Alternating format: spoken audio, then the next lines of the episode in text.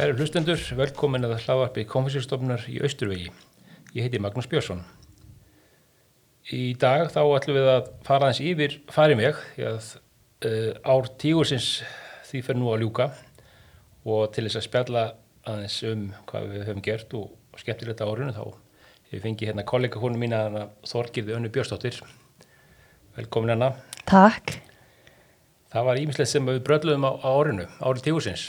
Já, þetta var svolítið gaman að sjá hjólinn fara að snúast aftur. Já, þetta er náttúrulega endir á COVID hjá, hjá okkur og, og hérna og svona lífið fór að færast í eðlitt horf Já, og við vorum með þarna viðbörði sem að hérna gátum farið að fara að stað með. einmitt. Við náðum einmitt mjög skemmtilegum og svolítið öðruvísi viðbyrðið þarna í vor, í mæ, Já, þar sem við fórum í samstarfi við hérna, Kýmvesk Íslenska menningafélagið og hana Tjing í helsutreganum.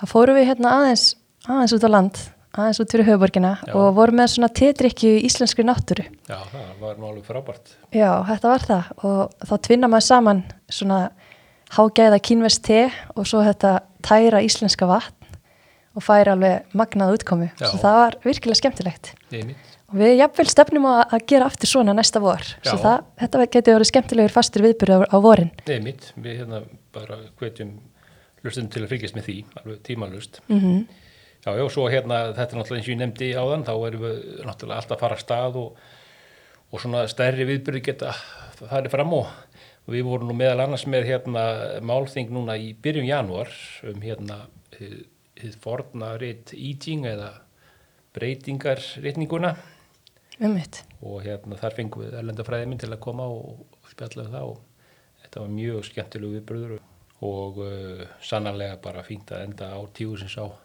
svona heimspekilegum nótum. Já, Það er- algjörlega. Það er í kínverska frumspeki bara. Já, þetta er gott að kveðja tígurinn svona. Já, já, það er mitt. En svo hérna, við ætlum kannski aðalega að fjalla um hlaðvarpið okkar og hvað við gerðum á árunni í því. Já, mikið um að vera. Já, og það náttúrulega var gaman að hérna, í, semst, í pislum sem við höfum alltaf verið með, þá hérna fengum við mitt aðstóð í ár Einmitt. frá, frá mjög góðum einstaklingum. Já, vorum að fá góða pislahefunda til liðs við okkur. Það var bæði Jón Eil Já, svo náttúrulega Stengrimur Þorbjarnason. já. Þetta eru kortvikið einstaklingar sem hafa þekkja sitt hvaðan Kína. Algjörlega. Og voru að skrifa mjög skemmtilega pisla. Já, Svo náttúrulega fengum við hérna, leifi hjá Arþóri Helgasinni, miklum kínafræðingi líka, til að hérna, nýta tónlistar þætti sem hann hefði gert fyrir hérna, ríkisútvarpið. Svo það var líka svona ákveðin gullkista sem að þú hérna, hafðir upp á. Já, það var hérna alveg einstaklega gaman að geta grafið þetta upp og, og ég vil nota þækifæri til að þakka sérstaklega ríkisútarpinu og Arþór er náttúrulega sjálfum þetta fyrir að leifa okkur að endur flýta þessa þætti Já, einstaklega skemmtilegur og þetta er náttúrulega bara gullkort sem að megi ekki, megi ekki tapast. Þannig að það var, var, var ekki virkilega gaman. En svo vorum við náttúrulega með hérna fjölmörg viðtöl mjög áhaverð viðtöl myndi ég segja. Já, alltaf gaman að fá góða gesti í, í viðtöl. Það og hefur gengið vel. Já, já, það hefur bara verið útrúlega uh, þægilegt að fá fólk til þess að koma til okkar og, og í, í ári eða þá hérna þá fengum við fólk bara úr hínum og þessum áttum bæði hérna einstaklingar sem hafa verið sjálf verið í Kína og verið að gera þessum þar og svo hafa náttúrulega verið einstaklingar sem hafa verið í viðskiptum og, og hérna hínum þessum sviðum. Einmitt, það er ótrúlega gaman hvað er fjölbreytt. Þetta er svona allt frá því að vera sko íþróttatengt eða, eða einhver svona reynsla af því að, að dveljast í Kína við kennslu sem er oft svona kannski aðgengileg leið fyrir ungt fólk að vil vera eitthvað í Kína. Og svo einmitt fólk sem hefur jafnvel bara starfað í Kína um árabil eða, eða er með jafnvel hérna einhver ný verkefni, einhver stór ný verkefni Já. sem er að byrja í Kína. Akkurat. Bara ótrúlegt að íslensk fyrirtæki sé að fótfestu á þe- á þessum sviðum sko. Já, já, al- al- algjörlega sko. En við ætlum aðeins að hérna, e, við tókum saman lista yfir svona, þó viðtölum síðan og öll sá mjög áhugaverð. Og Já. hef- hefði sannlega verið hægt að taka hérna e, brot úr þeim öllum, en, en við ákomum að taka saman lista af úr sex, nei, fimm viðtölum og, og einum pistli og hérna, svona sem okkur þótti áhugaverðast. Og hérna ætlum að, að hérna, uh, spila brot þá úr, úr þessum pislum, eða þessum viðtölum og hérna fyrir hlustundur einmitt, þannig að það geti rifjað upp svona það sem var verið að gera á árinu einmitt. Kanski bara skjótum boltanum á þig fyrst, Magnús. Ef þú segir mér eitt sem að þið langar að byrja á að rifja upp. Já, eins og ég segi, þetta var alltaf mjög áhuga viðtölun. Ég, ég var sérstaklega, hafði sérstaklega gaman að fá hérna Sigur Guðmundsson, myndlistamann. Já, hann er ótrúlega skemmtilegur. Hann er alveg einstakur karakter, Já, Eh, mjög áhugaverð persóna bara og gaman að spjalla við hann og hefur náttúrulega íms, svona sína skoðanir á hlutunum já, og virkilega gaman að því og búin að vera ótrúlega lengi í Kína. já, hann hefur náttúrulega búin að vera þarna í ykkur, ykkur 25 ár Akkurat. og í þessari dásendar borg sjaman. Já, hann talaði rosalega vel um hana. Já, þannig að hérna... Það væri svona bjart og gle mikil gleði yfir borginni. Já, akkurat. Þannig hann, hann hérna, það var gaman að hérna fá hann og, og ég valdi að taka svona öllítið viðtalsbút úr því viðtali þess að maður fjalla svona um bara hvernig hann, þegar hann fór fyrst til, til Kína og hvernig svona málið þróðust í kjölfar þess. Einmitt. Ég hef ekki bara hlusta á það. Gerum það.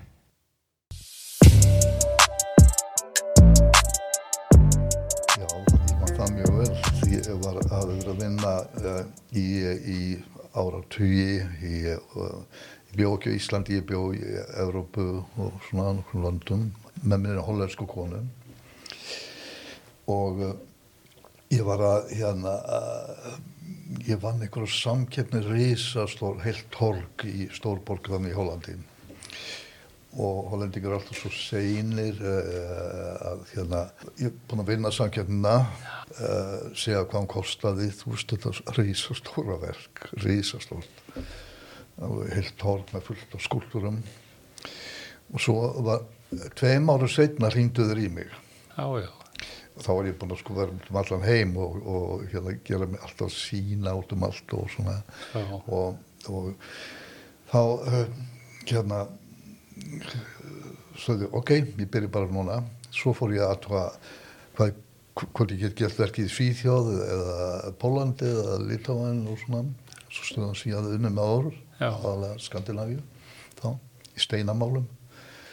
Þá var bara allt sko verðið var alveg hrikalegt. Svo veist að ég þurfti að selja uh, húsið mitt til, til þess að tapaði ég ekki á því að gera verkið. Já, og ég var nú of, of stoltur einhvern veginn til þess að, að, að fara með eitthvað tára til yfirvaldarnan og betla mér í peninga. 20 og setna þegar ég er svona að klóra mér í höfðinu sem var þá með hárum öðru sem núna, nú er ég með akkurat. þá, þá mæti ég eh, eh, norsku vinna mínir mynd okkur á já. hann var að koma frá Nürnberg og það voru kín, kínversku deildina og hann sagði þeir geta allt því að mínir skúltar voru handmade sko, sem er mjög erfitt að fá í Európa því það er ekki allt veltækt og um, hann nýkom frá Nürnberg og segi eh, ég hef aldrei séð annað eins að hann sko og þá segi ok, þá fer ég þangað þá fer ég til Kína núna, núna. ég kem með sann og við fórum til Kína og konan mér fór með líka og þannig fór ég með mótelið hérna flög til Hong Kong og millilendi í borg sem heitir Xiamen og, og svo uh, fór ég okkur tólf staði um allt Kína með mótelið. Allstaða var það hérna þannig að ég tapaði bara peningum á því miklum sko, uh, að borga með mér sem er óþægileg tilfinningar í svona stórum skömmtum. Nefna það að það var eitt staður á svo langa ferðalegin, mjög skemmtilegt ferðalag og svo borgirnar og námurnar og steinaverinn og allt þetta sem þessu fylgir, talaði við fullt af fólki og svona. Og endaði svo í Sjaman og þar var líka steinavers með Sjaman Stone, Stone Graving. Ja. Og uh, þeir gáðu mig flott tilbúð og ég bara I shake hands Já, og, og skust tilbaka til Hollands til að flytja til uh, Sjaman já, já, já. Og eftir það, sko, svo er ég búin að ferðast um allt Kína síðan Já, já. en Sjaman er einhver e- elskulegasta borg sem ég bara þekki í Kínan við sjóin og skaplega uh, progressív og flott borg og, og svona velmegandi og hrein og fín og svo bara indislegt dásan á staður. Já, já, þannig að þú, þá, þá hefur bara nánast Þá bara uh, hvað? leiðum okkur uh, hús í Ína. Svo leiðum okkur hús, já, í, í miðri við, þetta er svona Shaman, Shaman Island, sko, það er svona eiga. er, það er stærri en eigan, sko. já, Svo hitti ég listafólk hana, meðalans professor Chin Chen, sem var hjá Shaman Dasha, uh, Shaman hérna University, Mm. já, í já. hann var professor, gefðist mikill vinnur okkar og, og Ínika kona mín og hann náðu vel saman og Ínika var með hugmyndum að hún fann ekkit gallari í borginni svona voru að leita svona samtíma list já, og það var ekkert svoleiðis til þar. Þá, en það var til fínar, fín stað með svona sögulegri list já, já, klassískari. og uh, fína bókabúður og það sko og svo að hún ákveður það að búa til uh, art center. Já, já, og hann kveikt á því hann Xinjiang og, og þá tölum þau við hérna dýnin hérna, skólastjóra uh, millistadillar þannig hann var flottur og tók þessum öfnum armum og hann var að tala við hérna bara alveg upp til Peking sko. Já, já, já. já, það var alltaf já, já, já, já. Mhm. já, já, og svo svo hérna það var ákveðið að þetta er sko að því þetta er svo nýtt, nýtt í allir Kína þá. Já, já, það var ákveðið að þetta væri að, að gera það að um, educational experimental um, stöð. Já, já, ekki svona kommersjál en það höfðu við engan áhuga því að vera í kommersjál Nei, uh, dæmi. Svo að það var opnað með pomp og já, með kýmverjum með uh, borgarstjóranum í Shaman og, og, og the dean of the, uh, the president of the university og alls svona celebrities. Já, íslenski sendaherrar og Peking flög yfir og Já, já. ræður og svona með mitt. það var reyndar að opna með síningu eftir mig Já, já, vegna þess að ég var tilbúið með síningu fyrir útlönd já, Því ég hana, hafði búin að, nærði, já. Svo ég síndi hana þar fyrst, sko, og næsta síning var síning á kýmverjum og eh, úlendingum og svona, síðan breytist þetta í hérna, það var geysilega vinsalt hjá uh, ungu fólkinu og líka bara miðallra listamannum, já, og fín tenging svona brú melli evróska listar og einmitt. því að evrósku listamenn sem komu í residens uh, til okkar voru mjög áhugasamur um að hitta kollega sína, kínversku kollega og, og það eru svona áhrif á millið þeirra. Já, já, já, Það eru fyrir áhrifin frá með listamannum og þetta var virkilega sko happy marriage þannig á listasviðinu. Já, og uh, tíu ára setna sko koma mentamálaður kínvari í opinbæri heims og hann sjá þetta. Já, já, skoða þetta og sagði svo við liði þetta er akkurat það sem við viljum já, akkurat. Svo að uh, hérna, í opinbæri var alltaf á baku okkur Já, svona, og þó að við vorum mjög experimental skilur, og svona framsækin og svona og svo það var bara eindislegu tími og er það ennþá já, já. Þannig að þetta hefur verið svona bara frumkvöla starf runni í, Kína. Frumkvöðungsstaðar. Það var mér sér svo uh, mikil uh, umræða um það út í Já, sérstaklega Holland, kona mín er hollensk. Já, að KLM flugfélagið það fór að fljúa beint á sjaman. Já, já, það sagði mér að þóringil hérna hjá KLM já, já, að já. það hefði verið kveikjan. Já, það er ótrúlega. The Chinese European Art Center. Og svo gaf utanríkisráðunettið í Hollandi út uh, þykka bók um 30 öflugustu tengileiði millin Hollands og, og, og hérna kýmverska Já, frá aldaðöli já, já. 30 sliki kona mín var eina þeim og átti það sex blaðsíður í því. Þetta var mjög eh, skemmtilegt. Þetta var mjög áhugavert uh, og virkilega gaman að hlusta á Sigurð. Hann hefur mörg að segja þessu viðtali. Já, En uh, það er spurningin hvað, hvað viðtal þér fannst vera, ef þú byrjar kannski á þín fyrsta. já, ég eiginlega verða að fá að nefna hana Kristínu Ketilsdóttir sem að hérna er gömul skólasistir úr mentaskólanum á Akureyri. Já, Því að hún, bara, hún er með svo æfintýrlega reynslu að baki eftir að hafa verið að hjóla og keppa í íþróttum í þrýþraut út um allt í Kína. Og ég var svo glöð þegar við okkur tókst á hérna að fá hana til að koma í viðtal. Hún bara samþykti það strax og var bara komin bara, hvort þið hittist bara tveim dögum síðar eða eitthvað. Þetta var eitthvað rosalega flott hvað þetta gekk vel. Og sem sagt, uh, hún náttúrulega eins og segi búin að hjóla víða um Kína og búin að keppa mikið í þrýþraut.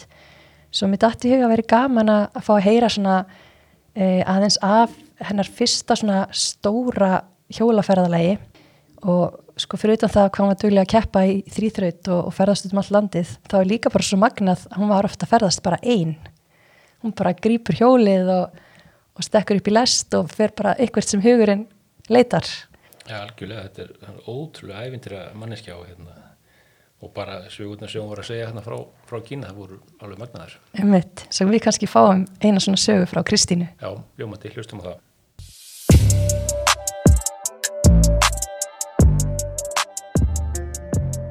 stærsta ferðin sem ég fór að það var, að fyrsta ferðin sem ég fór að þá fór ég frá var þegar ég bjóðan í Langzhong að þá hjólaði ég frá uh, Chengdu sem er höfuborg Suðján hér aðeins til Shangri-La sem er í Yunnan hér aðeins já, já, já. Það er nú að hennar löng leið. það voru einhverju 1300 kilometrar Já, og mitt það er svona svipað ringvegurinn já, einmitt. Og uh, þetta, bara, þetta var eitt af skemmtilegast sem ég hef gert. Já, get ímyndum það. Þetta er nú einstaklega skemmtilegt landsvæði, þannig að gerir á fyrir. þetta er það nefnilega. Og þarna þetta var rosalegt klefur sko. Já, en og þetta var svo skemmtilegt að því þetta var yfir uh, kínverska nýjárið. Já, já, já. þannig að ég var í allt í einu komin í eitthvað frí frá skólanum. Já, og já, hjólaði þetta og þetta var einmitt eins og ég segi, þetta var 2010 það var ekki komnir svona snjallsímar eins og við þekkjum í dag sko. Þannig að maður var ekkert að taka myndir á síman eða neitt þannig. Nei, og það var enginn GPS búnaður eða þú veist, það var ekkert að skoða í símanu hvar maður væri eða fletta því upp sko. Já, já, þannig að ég var bara með landakort bara á gamlu tegundinni. Og svo var ég með myndavél og á myndavélinu var GPS Já, já, já. einhver svona Já, til að sjá GPS-dagsninguna sína og svo Já. bara hringdi ég reglulega í pappa og fekk hann til að fletta þið upp í tölvunni hjá sér og Google Maps bara þarna já, hvað þú værir. Google Earth, hvort Já. það hefði ekki bara verið það þá sko, Já. hvar ég væri og hvaða vegi ég geti farið og Já, þetta endaði að vera því líka ævintýrið já. sko. Varstu, Það- byrju, varstu, varstu eini í þessu eða? Hvernig ég var hérna? bara einn sko Já, já, já. Þú- sem að, þannig að það var eitt af því sem ég held að hafi gert ferðina svo frábæra vegna þess að fólk, þegar maður er einn að ferðast. Já, og ég upplifði mig aldrei hættu sem ég, ég held að það spili inn í að ég er veist, 1 og 80 og ég er svolítið stór Já. og, og þarna og hávær. Að ég upplifði mig aldrei í hættu gagvart, gagvart neinu. Nei, og kynverðar eru bara svo hlýjur og, og þarna vingarlegir Já, og brosandi og taka vel á móti Taka vel á manni. svona, svona sérvitringum. sem- Já, þeir gera Já. þannig að uh, þannig að ég hlótt að því sko þegar ég var að fara þegar ég var að fara einhverja sveita við og það voru kannski ekki hótel endilega Nei, að þá var aldrei, það var alltaf bara eitthvað fólk sem að maður hitti þegar maður var að kaupa sér vatn og bara, heyrðu þú bara gistir hjá mér og minni fjölskyldu og, já, og það var alveg oft sem ég gisti heimahúsum sko, hennan tíma sem ég var að hjóla. Já, já, sem var reglulega gaman. Já, get ímyndum það, þá komist alveg bara inn til fólk, já, Já. heimili fólks og, og hérna, við erum var- margt áhvert að sjá það, gerir það fyrir. Já, það var það. Það er eitt að- sem var alveg sérstaklega minnistætt. Þá var ég einhverstaðar í Suðsján og pabbi var búin að segja að það var eitthvað sveitavegur sem var örugglega svo skemmtilegt að hjóla Já, og ég fer og ég ætlaði sko, ég var orðin svo þreytt að það var, var ekkert ljós sjáanlegt Nei, nei, nei. og þarna, og ég var náttúrulega svo þreytt að ég búin að byrja að pæla í því hvort ég ætti kannski bara hreinlega að gista úti, bara svo í grassinu. Já, já, en það var einhver kynusku félagið minn sem búin að vara mig við því að getur verið snákar og Já. ég var eitthvað, list ekki alveg á það kannski, þannig að þannig ég held áfram og loksins sé ég að það er einhver bær Mm.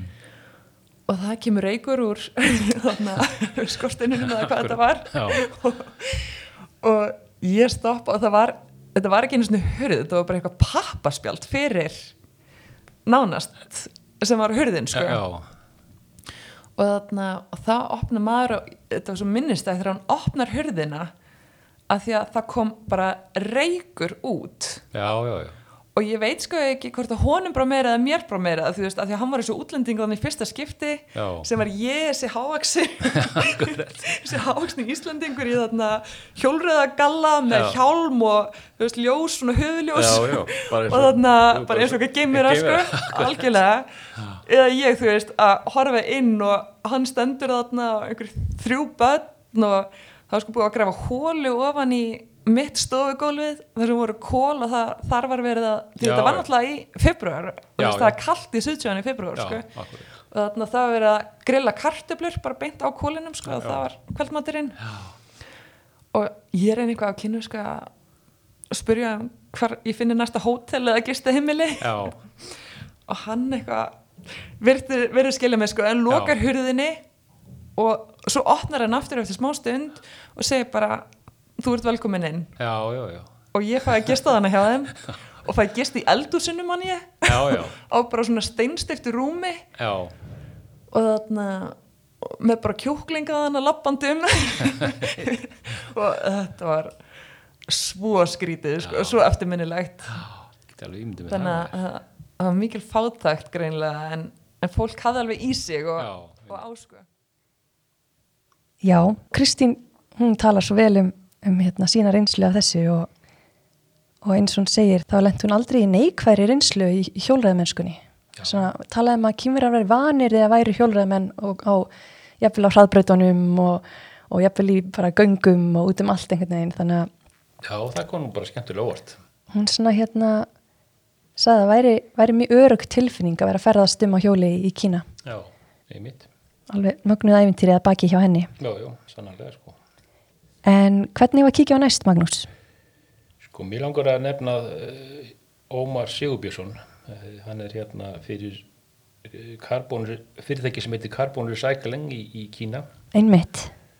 og þeir hafa verið að hasla sér völl aðeins í Kína. Þetta er nú fyrirtæki sem að byggir á því að, að draga úr eða taka út koltvísýring og vinna úr því hérna metanól til, sem er þá bara orkugjafi. Einmitt.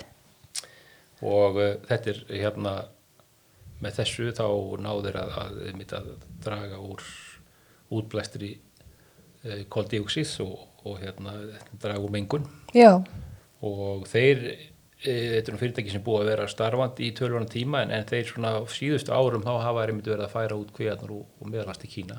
Já, ég get alveg trúið því að það hefði mitt verið nöðslegur grunnur að þeir voru komnir með alveg pottjætt svona kerfi en þeir gátti farið að, að fá svona stóra partnera eins og í Kína. já, já.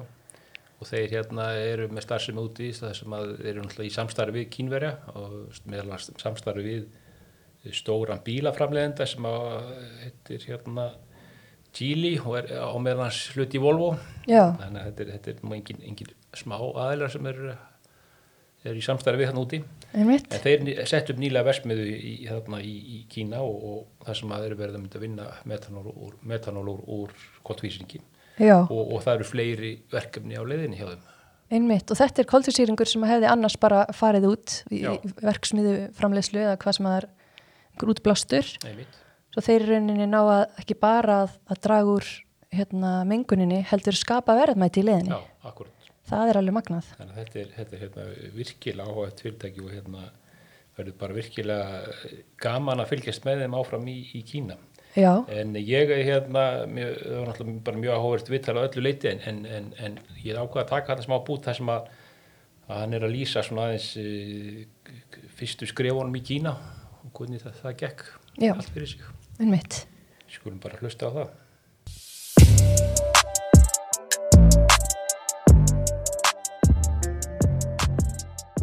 Hvað hérna, hvernig voru fyrstu skrefin þá svona inn á kínamarka, hvernig hérna hvernig, Já, sko, við höfum svo sem uh, höfum keft búna áður frá Kína Já. og höfum svona þekktum aðeins til þar.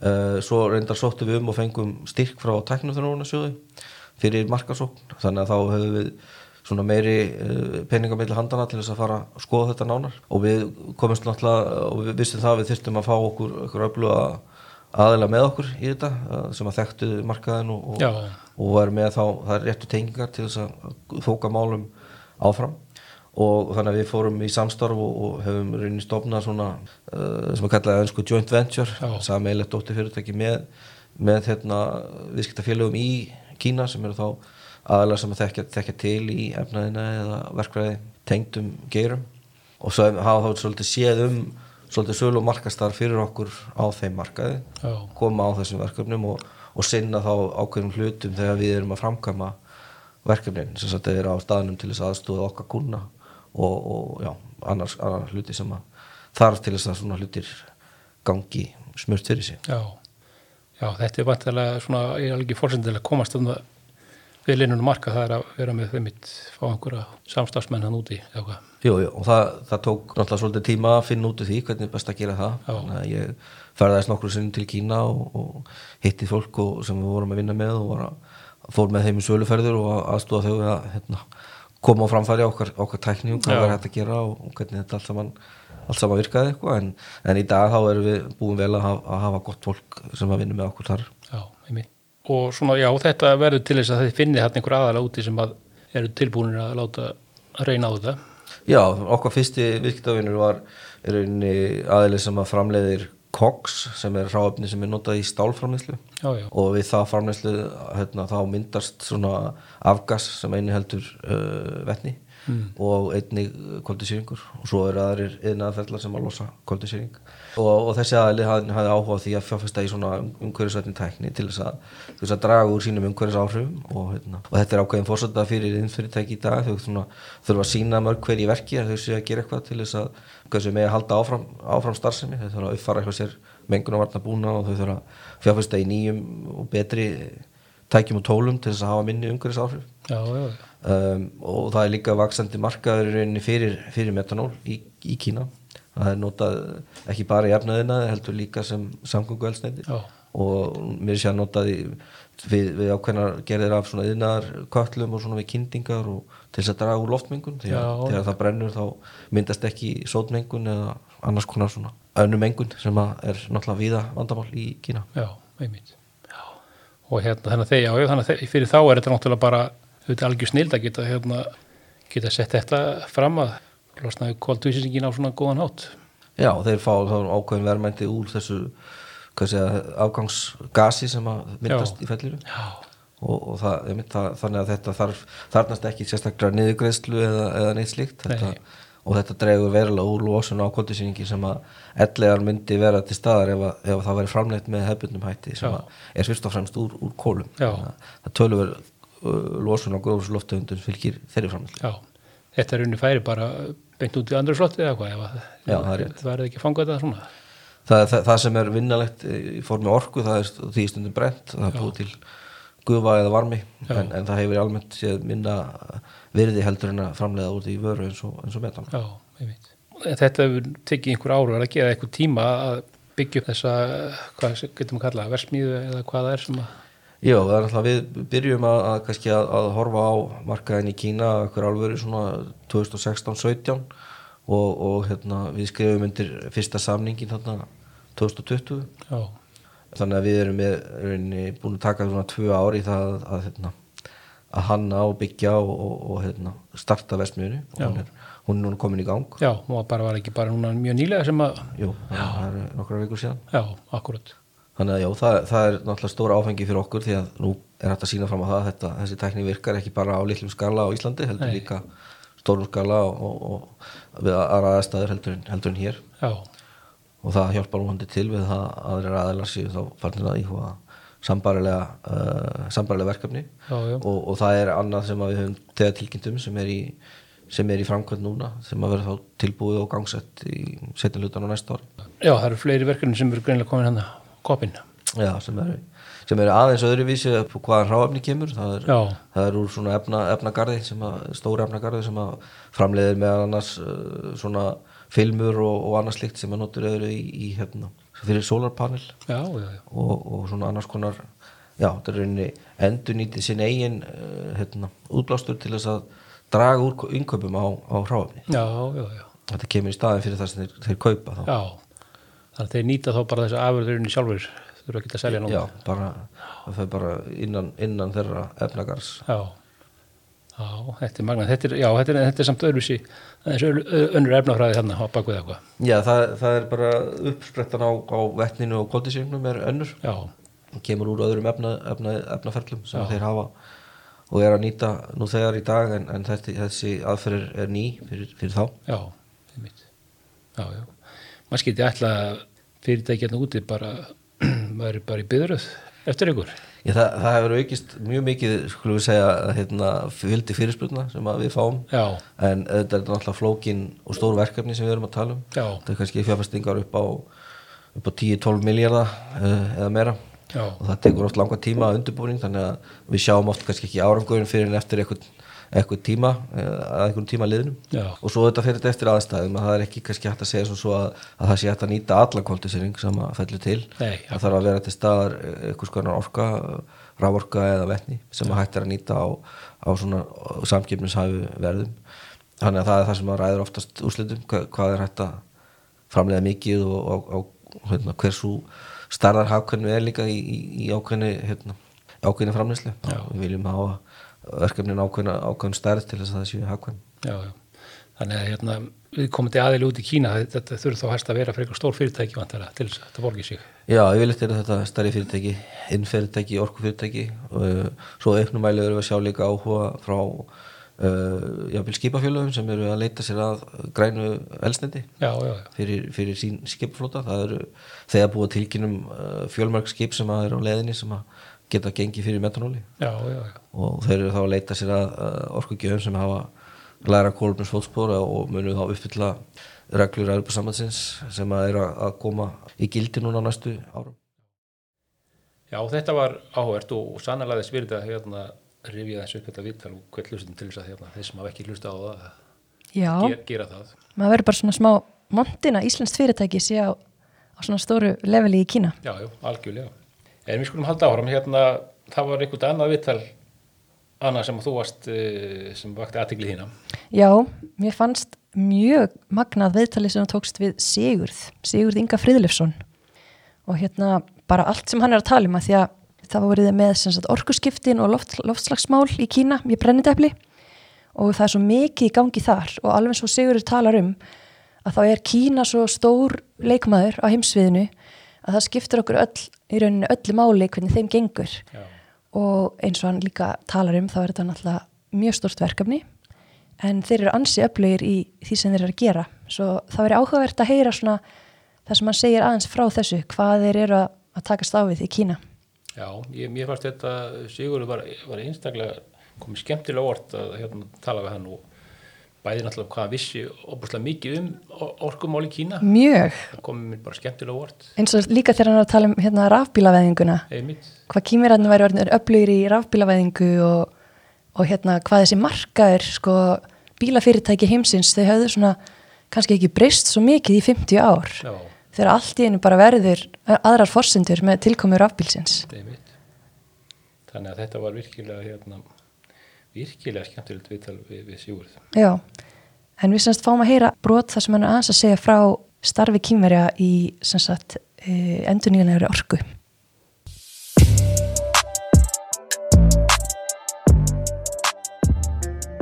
Hvað hérna, svona ef maður fyrir heiminn, hvað, hvað er hérna, hvað er mest í vöxturinn svona í þessum grænu, hérna, grænni orku og svona hvað, hvað gengur þetta best að hérna innlega þetta? en það er nú bara einfalt mál og það er í Kína. Já, og kemur mörgum óvart. Og það hefur svona verið svona mítan í að þeir séu síðastir já, og uh, uh, enda með uh, mikla og langmestu kólaorku uh, notkunna einmitt. og uh, en það svona gleymist í þessu það, það, þess vegna er að tala um hvernig vöxturinn raun og veru blindar það svolítið. Já, að þegar skoða bara hreina tölfræði að þá eru þeir allra fremstir. Því ég held að þeir séu ég man ekki fyrra en þeir eru oft verið með vel yfir helming af uppsettu afli hvers árs, nýju uppsettu afli af, af hérna uh, endunir orku. Við verið í Kína einu og Já, sér. Já, já, og þar eru stærstu uh, verkefni á sviði bæði sól og vind og þeir eru lang fremstir í, í sagt, uh, gigavastundum og stíku að, að, að hérna, innlega þetta og, og hérna uh, en það er bara þannig að þetta er náttúrulega stærsta þjóð heims já, já. og það er ekkert grín að, að þurfa að sjá fyrir orku þörf á hvað, 1400 miljón manns Mhm. í öðrum vexti e, þannig að þú veist, þetta er, þetta er ekki bara stórþjóð þetta er líka þjóð í miklum efnahagsvexti. Já, og það er ekki sko einu sinni hérna, það sem að máli snýst um að því að ofan í það að þurfa að sjá hvað 15 e, e, jarðabúa fyrir orku þá er þau raun að gera miklu meira að því að stór hluti af, af allir öllum vörum uh, sem að eru notaðar annars þar í heiminum koma svo frá Kína. Já, einmitt. Þannig að þau eru að og það er svolítið svona ósangjastundum að, að hérna að gaggrína uh, kóla nótkun í Kína á sama tíma og, og þú bara kemst ekki af út daginn á þess að með einum öðrum hætti snert á kýmverskum vörum. Já, uh, hvort sem það er uh, hreinar kýmverska vörur sem að, eða, eða íhlutir frá Kína eða, eða, eða, eða, eða hérna einhverjir svona ráfurur að hvað sem er eh, en það er bara þannig að þetta er svo stórt framlýsluland fyrir heiminn að, að hérna, það er nánast uh, þetta sem að rekur hakkerfi í dag. Já, þetta er magnað, bæði umfangið og, og hérna hvað er mikið lagt í þetta og við bara vonum að þetta gangi áfram vel. Einmitt. Já, heyrðu, hérna síðan er, er langar mig til að nefna í lokin eða sest, svona þriðja og síðasta viðtal sem ég langar til að nefna er hérna er hún, uh, síðasta viðtal ásins sem ég átti við, við Línu Guðlu og Alladóttur. Einmitt.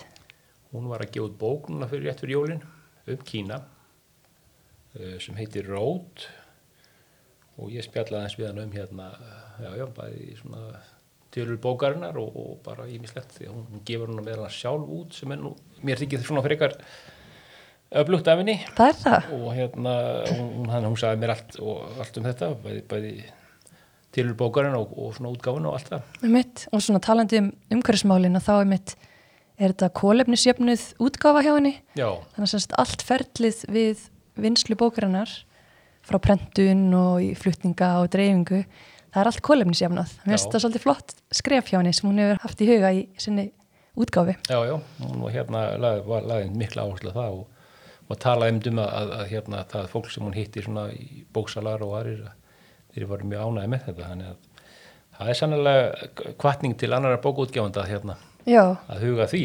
En, en hérna sko bókin er náttúrulega alveg stór skemmtileg og, og, og eins og hún nefnir í viðtælinu þá er, er greinilega þörf fyrir svona upplýsingaritt svona bók um, um Kína á íslensku. Einmitt. og uh, þannig að hún sannlega kemur þar inn í inn á uh, svona ákveðin vöndun á þessu þannig að bókin kemur þar inn í, kemur í góða þarfir þar. Já, og hún svona, einmitt, er með svona tengingar til Kína sem að hafa bara dýfkað í gegnum árin og hún er svona sérhæft sér svolítið í, kýmeskri menningu og, og samfélaginu. Já, einmitt. Þannig að hérna uh, það var virkilega gaman að fá hann í viðtal og, og hérna og fjalla um bókina. En ég ætla að hérna, mér langar aðeins að, að mér langar að byrta hérna bút úr viðtalinu. Mm. þar sem hún, hún fjallar um listasafdaldi sérstatt sem er hérna langt norður í norðvestur Kína. Já, e, bara eðumerkin þar. Og hún er að lýsa því, því, því safni og svona aðstæðum þar. Einmitt. það er skilega gaman, skulum bara hlusta á það eins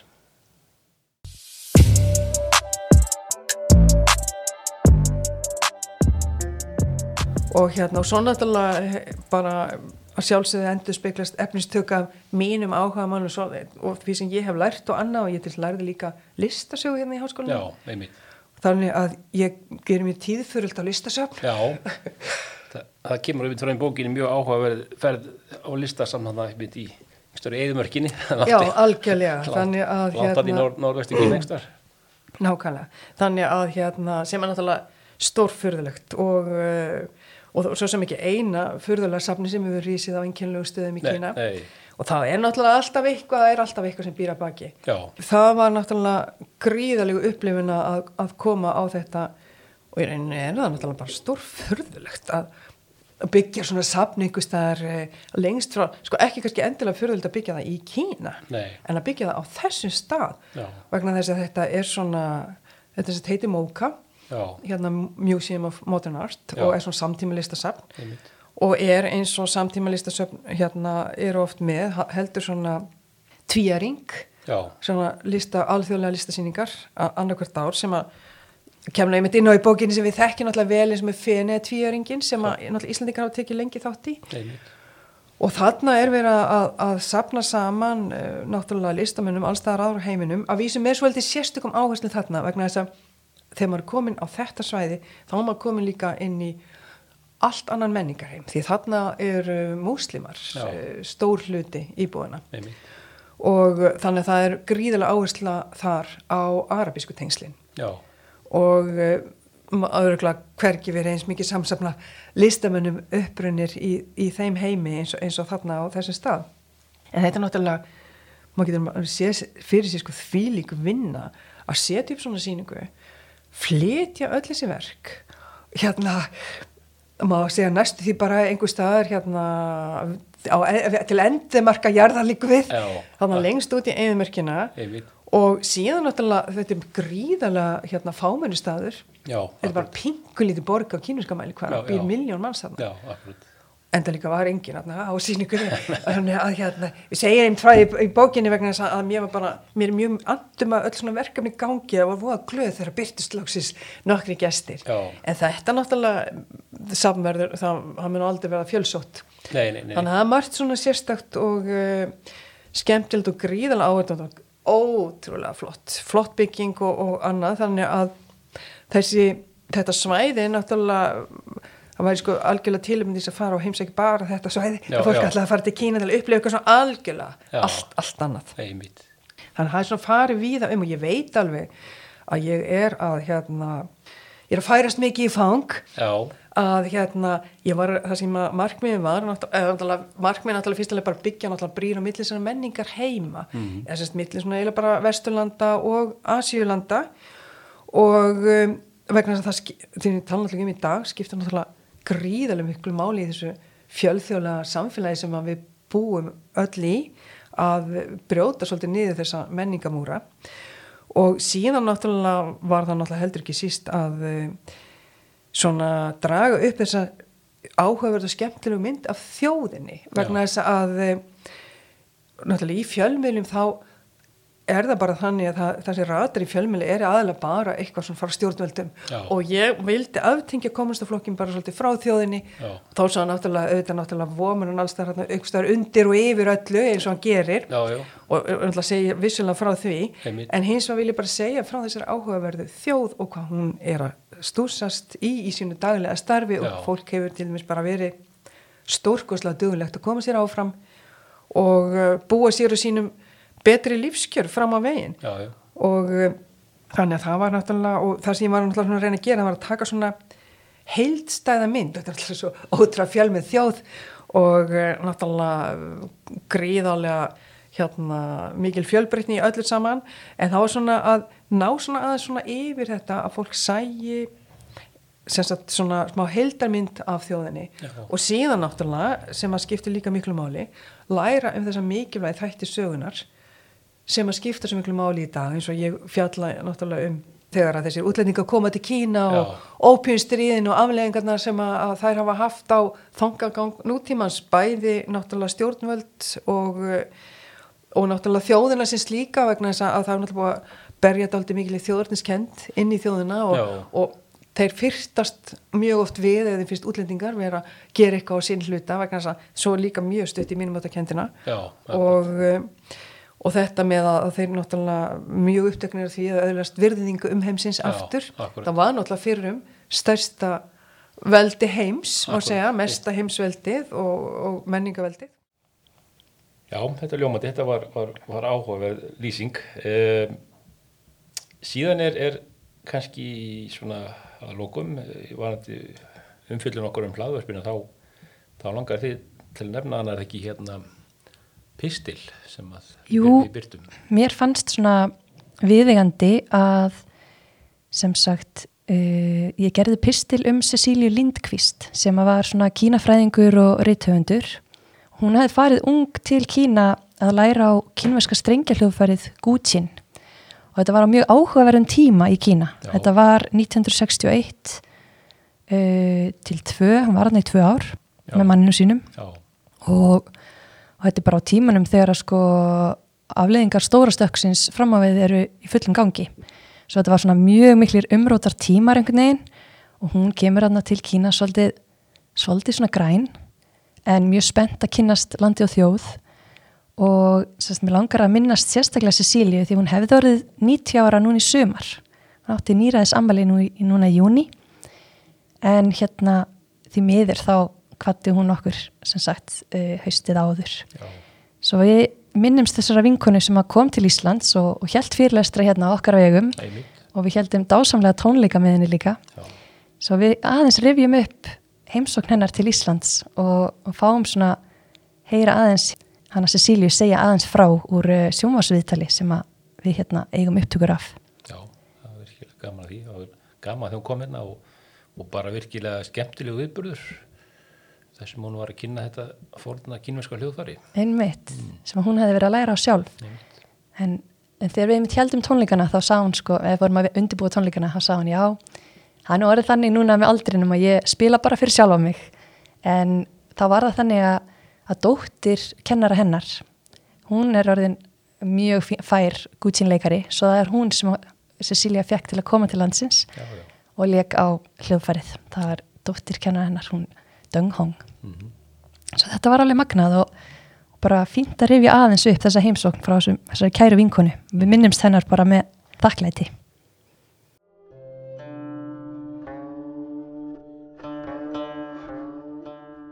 Þegar Cecilia kom til Íslands haustið 2014 í boði Konfúsiusar stopnunar hjælt hún tvo fyrirlestra.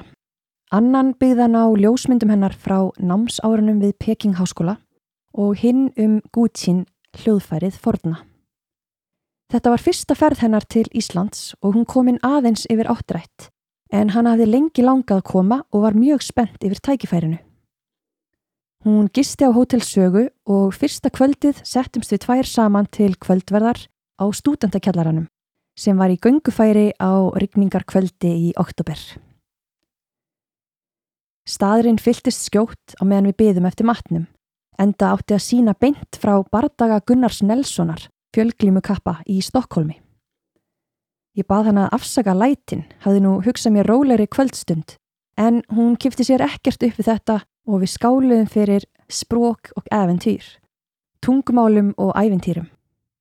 Næsta vor heldum við svo tvenna tónleika á Íslandi og fengum þær Deng Hong og Chen Xia til okkar alla leið frá Kína. Fyrri tónleikarnir voru haldnir í hofi á Akureyri og þeir setni í yðnú.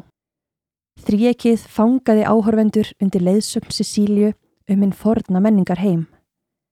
Við skulum heyra stutt hljóðbrott úr sjónvarsviðtali sem teki var á Akureyri fyrir tónleikana 8. mæ 2015 þar sem Cecília segir frá einu verkana. It's called Yango and Sandia. Three variations on parting, a farewell poem. It's um, written, uh, the poem is written in 700 and uh, by a very famous poet. And um, it tells about a person he's going to take farewell of. He's been ordered to go up to the deserts and become an administrator for the emperor there. And the poem reads approximately like this. Light rain has um, fallen over the dust of the city of Weichong. Now the trees close to the, the uh, inn are still green and fresh. Please come, let's take a glass of wine. when you have entered the Yanguan Pass, there are no friends.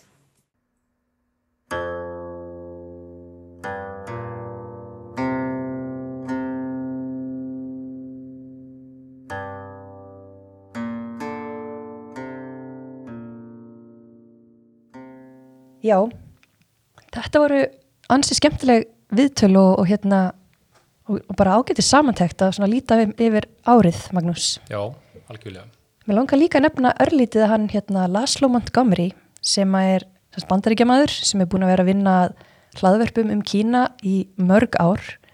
Hann er búin að skrifa heilmikið um, eða fjalla heilmikið um kínverska sögu, svo gerða hann sérstaklega hlaðvarp um kínverska temenningu og sögu tes og svo er hann líka með þætti, stutta þætti um sem sagt kínverska málsætti. Já, og ég hafði samband við hann Laszlo og spurði hann hvort það væri lægi að ég fengi að þýða þessa þætti um málsættina yfir á íslensku. Og hann gaf leiði fyrir því og hérna, svo við erum búin að vera með þessa litlu viðbútt á þessu ári þar sem við fræðumst um kínversk tjöngi þetta var sannarlega bara skemmtilega viðbútt í, í hérna hlaðarpi okkar og, og frábært hvað Laszlo tók, tók vel í þetta. Við skiltum geta nýtt efni frá honum. Hann er náttúrulega alveg frábær og, og hvetjum við sannarlega hlustum til þess að hérna kíkja þess á eða hlusta þess á hérna á hlaðvarpin hans. um. Já, Ég- þetta er semst hægt að finna þetta á Teacup Media og hérna og líka bara að googla Laszlo það er L-A-Z-L-O Montgomery Já. virkilega skemmtilegur Algjörlega. Jæja, nú er hérna ár tígursins, það því fyrir nú að ljúka. Já, nú er ár tíursins alveg að vera búið. Við erum með áramóti núna 22. januar Já, og þá- þá er þetta ár kanínunar sem gengur í garð. já, það er hérna daldið mikil munur á tígristýr og kaninu. Já, Hvað, hvað mun ár kanínunar bera með sér? sko, það er sagt að ár kanínunar uh, séu mjög, mjög gæfurík ár. Já, Þau eiga að vera sem sagt ár langlífi og friðar og velmögunar. já, já, já, það er bara á nú vel við í, í, í hérna heiminum í dag. Algjörlega, svo við óskum þess bara að þetta rætist fyrir, á ári kanínunar. Algjörlega. Og svo er líka sagt sko að fólk fætt á ári kanínunar, þetta séu svona skarp skiknir einstaklingar sko, fylgjast vel með og, og eru hnittin og klár. Svo hérna þetta verður einhverju góðir einstaklingar sem fæðist í heiminn á þessu ári. Já, það er ekki nokkuð spurning. Það er hérna mjög, mjög gott örglega að hérna vera kanína, fæðast til kanína. Já, það er sko, ég sagt að öll dýrin hafi, Sem sagt í stjórnmerkjunu já, ymmið, stjörnumerkinu kanni. Það er sagt sko öll, öll hérna kýmessku stjörnumerkin, þau hafa sína styrkleika Já, en þau eru kannski mis eftirsótt og kanina, en hún er bara mjög flott merki. Akkurat, algjörlega. Og við náttúrulega á ári í kanninar þá munum við okkar stað sem er, hún mun náttúrulega bara halda áfram eins og, eins og hefur verið og kannski með ennþá meiri krafti heldur en hefur verið núna þessi undarfærin COVID ár Akkurat, og meðal annars þá ætlum við að endurvekja uh, nýjársháttíðan okkar já, sem að verður þá hérna haldinn á 4. februar í, á Háskólatorki mikið rétt. Og með, með þá bara svipuðu sniði eins og hefur verið hérna, var hérna fyrir COVID. Akkurat, það er virkilega gaman að geta bóðið fólk aftur velkomið í háskólan að taka móti kýmessku nýja ári með okkur. Já, Svo við ætlum að bjóða upp á kýmesskan mat og hægt að smakka eitthvað gott kýmest te og sjá drekadans og upplifa alls konar skemmtilega hluti. einmitt. Svo við bjóðum bara hlustundur og, og áhuga sama öll velkomin á hátíðin okkar. Já, já, algjörlega og hérna bara endilega í, í skamdeginu að hérna að kíkja við og, og njóta kínverska menningar. Einmitt. Og það er nú skemmtilegt að sko þótt að við segjum alltaf kýmerska nýjársháttíðin þá heitur hún auðvitað á kýmersku kýmerska vorháttíðin Já, og það er að því að það er svona farið að hylla undir vorið. Já, og hérna okkur þykir að kannski snemt í februar já, en, já, en það er auðvitað þannig að, að bændur og allir fara að huga að því sem framöndan er einmitt. og svona að taka móti vorinu og kveðja veturinn. Svo við verðum með vor í hjarta þótt að verði kannski ennþá kuldalegt úti. Kannski það er guldalegt en, en svona er nú sólinu fann að dagun hann lengjast og, og sólinu hækka lofti hana en það, jú, jú, það er vissulega tími í voru hjá okkur. Já, þó þessi kannski fara ég menn í Suðu Kína sé fara að huga orverkon akkurat. þá hérna held ég að þetta sé nú bara verð ágætið sifilitt við náttúrulega e, svona í bara í lokin þá held ég við óskum bara hlustundum gleðilis nýs ás kannar Já. eða eins og myndi, myndi segja á kínvarsku sinni en kvæla Sinnian Kvæla, gleðilegt nýtt ár. Túnien Daji, mikla hefni á ári kanninunar. er mitt ljómatím takk fyrir hann að koma og spjalla hérna við mig Já, takk fyrir spjaldið.